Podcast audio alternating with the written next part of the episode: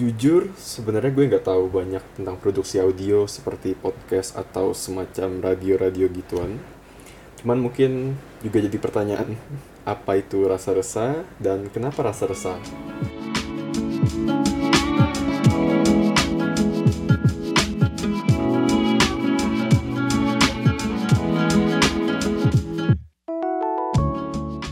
Jadi hari ini tanggal 13 Juli 2021 seperti yang sudah disebutkan di awal tadi, jujur gue memang nggak tahu banyak ya tentang produksi audio, baik itu podcast ataupun radio-radio semacamnya.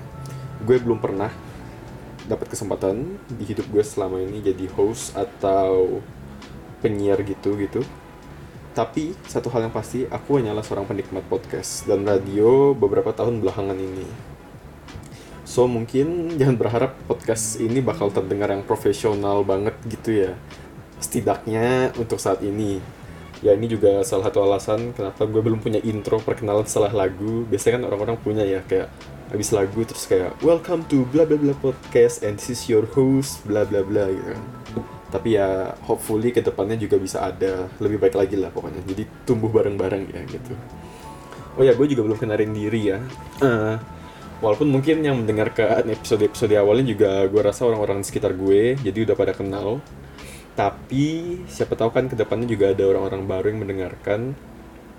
Hopefully ini bisa jadi langkah awal untuk kenal siapa gue juga gitu. Nama gue Kenny Lesmana. Gue seseorang yang lahir besar dan tumbuh di Samarinda ibu kota Kalimantan Timur. Walaupun saat ini gue lagi tinggal di Tangerang. Di bulan Juni kemarin gue sebenarnya baru aja nyelesain skripsi gue dan tugas akhir gue. Jadi setelah nempuh perkuliahan 4 tahun di jurusan arsitektur akhirnya semua terbayarkan gitu. Dan lagi tinggal nunggu wisuda aja ini. Nah tapi emang gue ngerasa kayaknya belum pingin langsung kerja dulu saat ini. Gue memutuskan untuk lebih apa ya ngambil waktu sendiri take my time gitu lebih pelan-pelan. Dan gue punya beberapa hal yang gue ingin coba gitu, pingin dicoba dan diwujudkan gitu. Nah salah satunya adalah podcast ini gitu. Mungkin ini terdengar idealis ya buat awal-awal ya kayak seorang mahasiswa baru lulus tapi dia nggak langsung cari pekerjaan gitu, belum mau cari apa ya, belum punya pendapatan tetap gitu. Jadi secara ekonomi belum stabil banget lah gitu. Cuman I think I should just try it gitu uh, gini gini. Intinya kayak sederhananya itu gue adalah orang yang suka membuat sesuatu. Gue adalah orang yang penasaran dan gue juga senang belajar sesuatu yang baru. Mungkin tuh ya perkenalan singkat tentang gue ya. Semoga ke depannya juga bisa mengenal gue lebih lagi seiring berjalannya waktu juga gitu. Nah mungkin pertanyaan orang-orang selanjutnya adalah kenapa gue memutuskan di salah satu hal yang gue pengen coba tadi adalah podcast atau siniar bahasa Indonesia-nya. Dan mungkin juga orang nanya kenapa namanya rasa resah kan. Jadi dasarnya itu gini. Gue cukup yakin lu pada pasti pernah ngerasain ini juga mungkin. Uh, yaitu adalah momen di mana lu sadar lu punya sesuatu di kepala lu, entah itu ide, pendapat atau keluhan gitu mungkin tapi lu bingung gitu harus nuangin itu ke mana? Lu bingung harus cerita ini ke siapa gitu. Dan karena dia nggak keluar akhirnya kadang dia cuma mengendap di kepala lu gitu. Dan seiring berjalannya waktu mungkin dia juga jadi kadaluarsa gitu. Dan akhirnya dia nggak pernah keluar sama sekali dari kepala kita gitu. Berangkat dari keresahan ini gue ngerasa dari sekian banyak media di era ini mau itu buku, ada format video juga sekarang lagi naik-naiknya, baik yang panjang seperti film, YouTube, atau yang pendek seperti IG Story, atau TikTok, atau Reels sekarang yang baru mungkin kalau Instagram juga. Gue ngerasa format audio itu yang paling pas untuk keluarin untuk anak gue yang ini gitu. Dan dalam kasus ini yang gue rasa paling approachable adalah podcast. Makanya gue mau nyoba podcast ini yang berangkat dari keresahan gue gitu. Makanya namanya rasa resah. Salah satu hal yang mungkin lu perlu tahu juga tentang gue adalah kalau gue besar dan tumbuh sebagai penikmat stand up comedy Indonesia. ya sekarang mulai ke luar negeri juga sih mulai nyoba-nyoba gitu gue udah mulai terekspos dengan stand up Raditya Dika sejak kelas 5 atau kelas 6 SD gitu mungkin gue dikenalin sama teman baik gue saat itu hmm, tapi tapi mungkin itu detailnya untuk di episode lain kali ya. Biar gak ke mana-mana omongannya. Nah salah satu figur yang berkesan buat gue adalah Panji Pragiwaksono. Gue udah ngikutin dia dari 2014 2015 mungkin. Sampai sekarang gue ngikutin karya-karya dia dan gue jujur aja sebenarnya podcastnya juga salah satu hal yang terinspirasi dari dia juga gitu. Dia juga apa ya selain stand up comedian dia juga berusaha membentuk ekosistem stand up comedy di perusahaannya gitu tapi dia juga punya media-media pribadi dalam berbagai bentuk misalkan di YouTube ataupun podcastnya dia nah di podcastnya dia hiduplah Indonesia Maya Panji sering kali berpendapat tentang apa yang sedang terjadi, di dunia maya gitu. Jadi dia cuman apa ya, bukan cuman juga sih. Dia menuangkan pendapatnya melalui podcast tersebut gitu. Dan dari seluruh karya dia, menurut gue podcastnya itu yang paling intim, yang paling dekat gitu rasanya. Dan gak tau kenapa, gue ngerasa gue pengen nyoba juga jadinya gitu. Figur lain yang berpengaruh buat gue jelas Raditya Dika.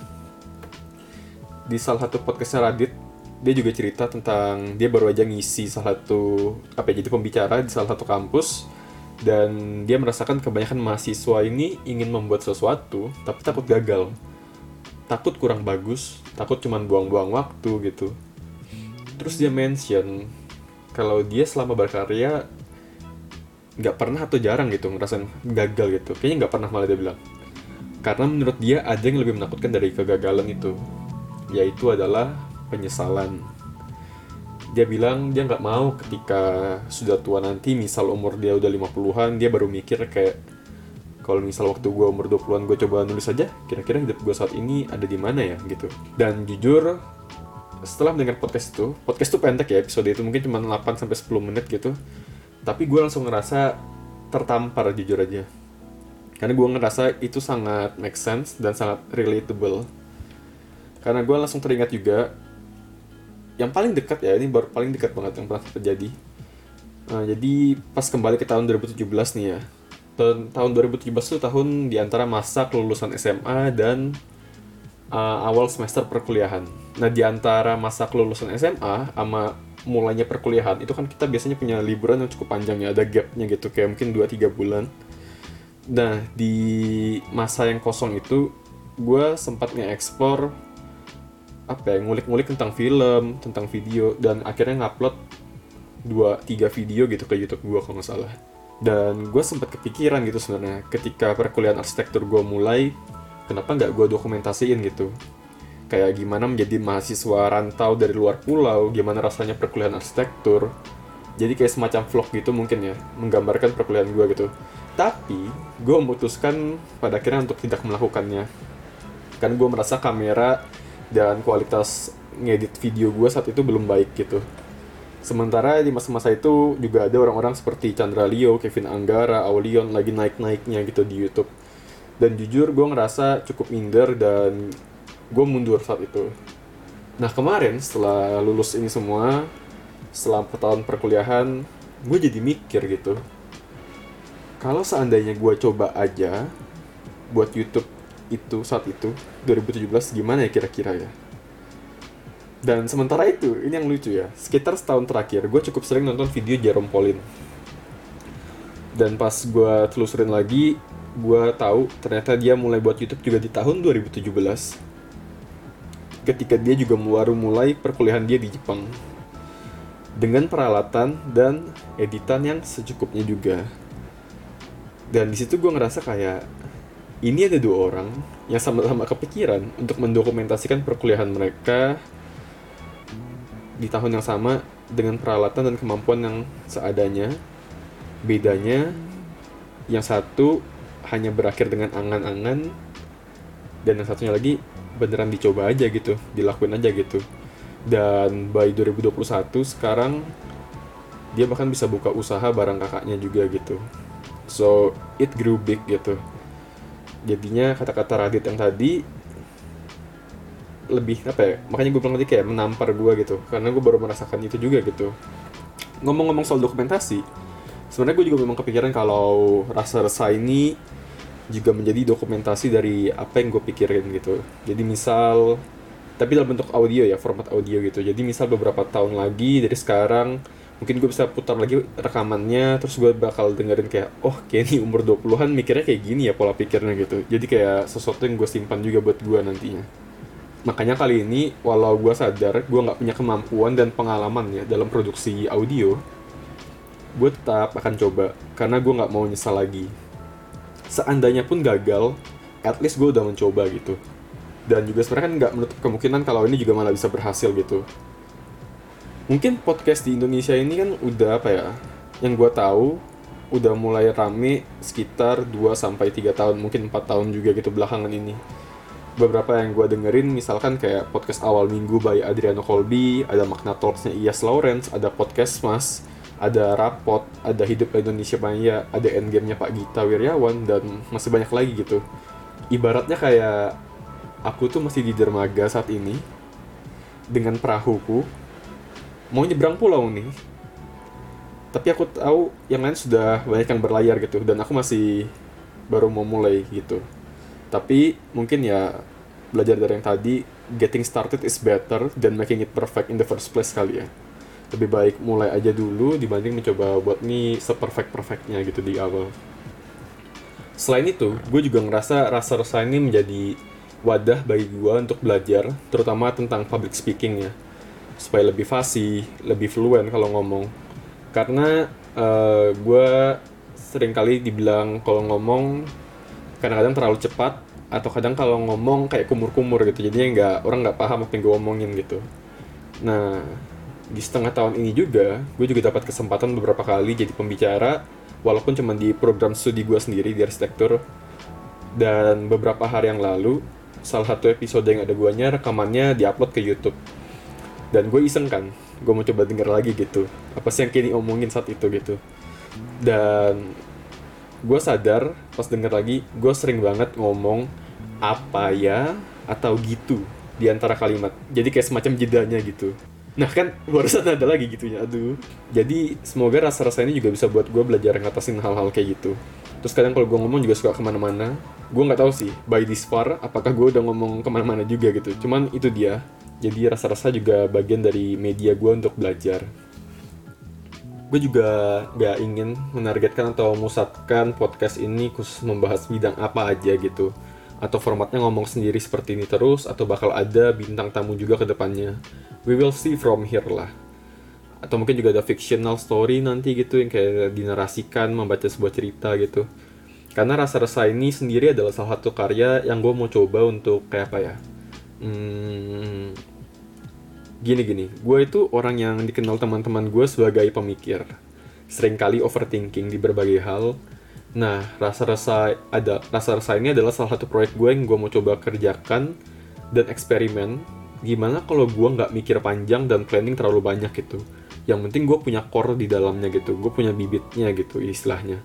Yaitu sih keresahannya itu tadi sendiri gitu. Gue jadi nggak mencoba mikirin detail-detailnya gitu, kayak durasinya berapa lama, setiap kali berapa hari baru upload gitu tapi gue usahakan seminggu mungkin sekali tapi kalau misal dalam seminggu ada beberapa hal yang ingin gue omongin jadi juga bisa lebih dari satu mungkin gitu dalam seminggu dan untuk durasi we will figure it out sambil berjalannya gitu. Mungkin kalau yang diomongin atau dikeluarin dari unek-unek lagi banyak gitu mungkin bisa panjang. Tapi kalau yang diomongin sedikit atau to the point juga bisa lebih singkat gitu. Tapi gue juga orang yang sangat tertarik dengan industri kreatif dan apa ya jangan industrial ya bahasanya gak enak. Mungkin dunia kreatif gitu. Gue suka seni gue suka lukisan gue suka desain produk gue suka desain branding gue suka dunia industri musik lagu. Gue juga lulusan arsitektur desain juga di samping itu semua gue juga concern dengan isu-isu lingkungan seperti climate crisis air laut yang terus naik limbah makanan yang terus bertambah banyak gitu. Gue juga concern dengan isu-isu equality atau kesetaraan baik secara sosial pendidikan dan semacamnya. Tapi tapi santai aja gue gue janji nggak bakal bawa apa ya nggak bakal yang berat-berat di mana gitu mungkin ya cuman kayak itu mungkin juga bakal jadi topik-topik perputaran yang akan sering hadir di podcast ini. Cuman nggak kita gue bilang nggak akan untuk cuman di situ aja gitu. Tapi gue janji bawa seandainya pun iya gue janji bawanya pun juga akan sesantai mungkin dan gak serius banget gitu. Ya harapannya podcast ini ke depan juga bisa jadi wadah buat orang-orang bercerita juga gitu tentang apa yang lagi ada di kepala mereka gitu. Baik ide pendapat ataupun keresahan mereka. Oh ya satu lagi. I'm still young. Gue masih muda dan masih terus bertumbuh juga.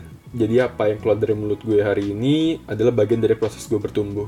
Jadi misal kalau gue bilang gue suka coklat hari ini belum tentu besok gue suka coklat. Kalau misalnya hari ini gue bilang gue setuju dengan pendapat si X besok mungkin belum tentu setuju lagi gitu.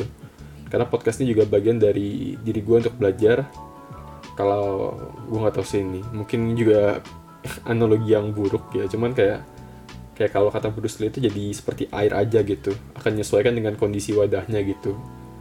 Ya sesekali dia bisa berisik seperti air di sungai dia juga tapi dia juga bisa tenang seperti air yang lagi dalam gelas gitu. Sederhananya gue masih tumbuh sama seperti kalian yang lagi mendengarkan juga. Gue nggak tahu sih apakah ada yang masih dengerin sampai detik ini ya? Kalau ada sih mungkin kalian calon-calon pendengar yang setia. Tapi buat kalian yang masih mendengarkan gue mau terima kasih juga. Untuk kalian sudah mendengarkan sampai habis terima kasih banyak juga untuk waktunya. I really appreciate it. Gue nggak tahu sih orang bakal dengerin juga pas kapan gitu. Mungkin lagi istirahat lagi makan lagi nyuci piring lagi nyetrika baju lagi nyetir di mobil mungkin apa pun itu. Semoga bisa jadi teman di saat lagi sepi atau sendiri. One thing for sure kalau lu juga lagi struggling dengan keresahan-keresahan lu atau semacamnya atau banyak pikiran mungkin lu memang orang-orang yang gue harapin ada di perahu ini bersama gue gitu lu bebas datang dan cabut dari perahu ini kapan aja jadi Selamat datang di Rasa Resa, sebuah wadah untuk orang membagi cerita keresahan mereka. Karena menurutku, semua orang punya ceritanya masing-masing, tapi nggak semua orang tahu harus cerita ke siapa dan bagaimana caranya. Jadi jangan lupa untuk follow up di sosial media Rasa Resa, saat ini mungkin baru hadir di Instagram. Terakhir, semoga segala yang kalian rencanakan dan usahakan bisa berjalan lancar. Kenny Lesmana di sini dan sampai jumpa di Rasa Resa selanjutnya.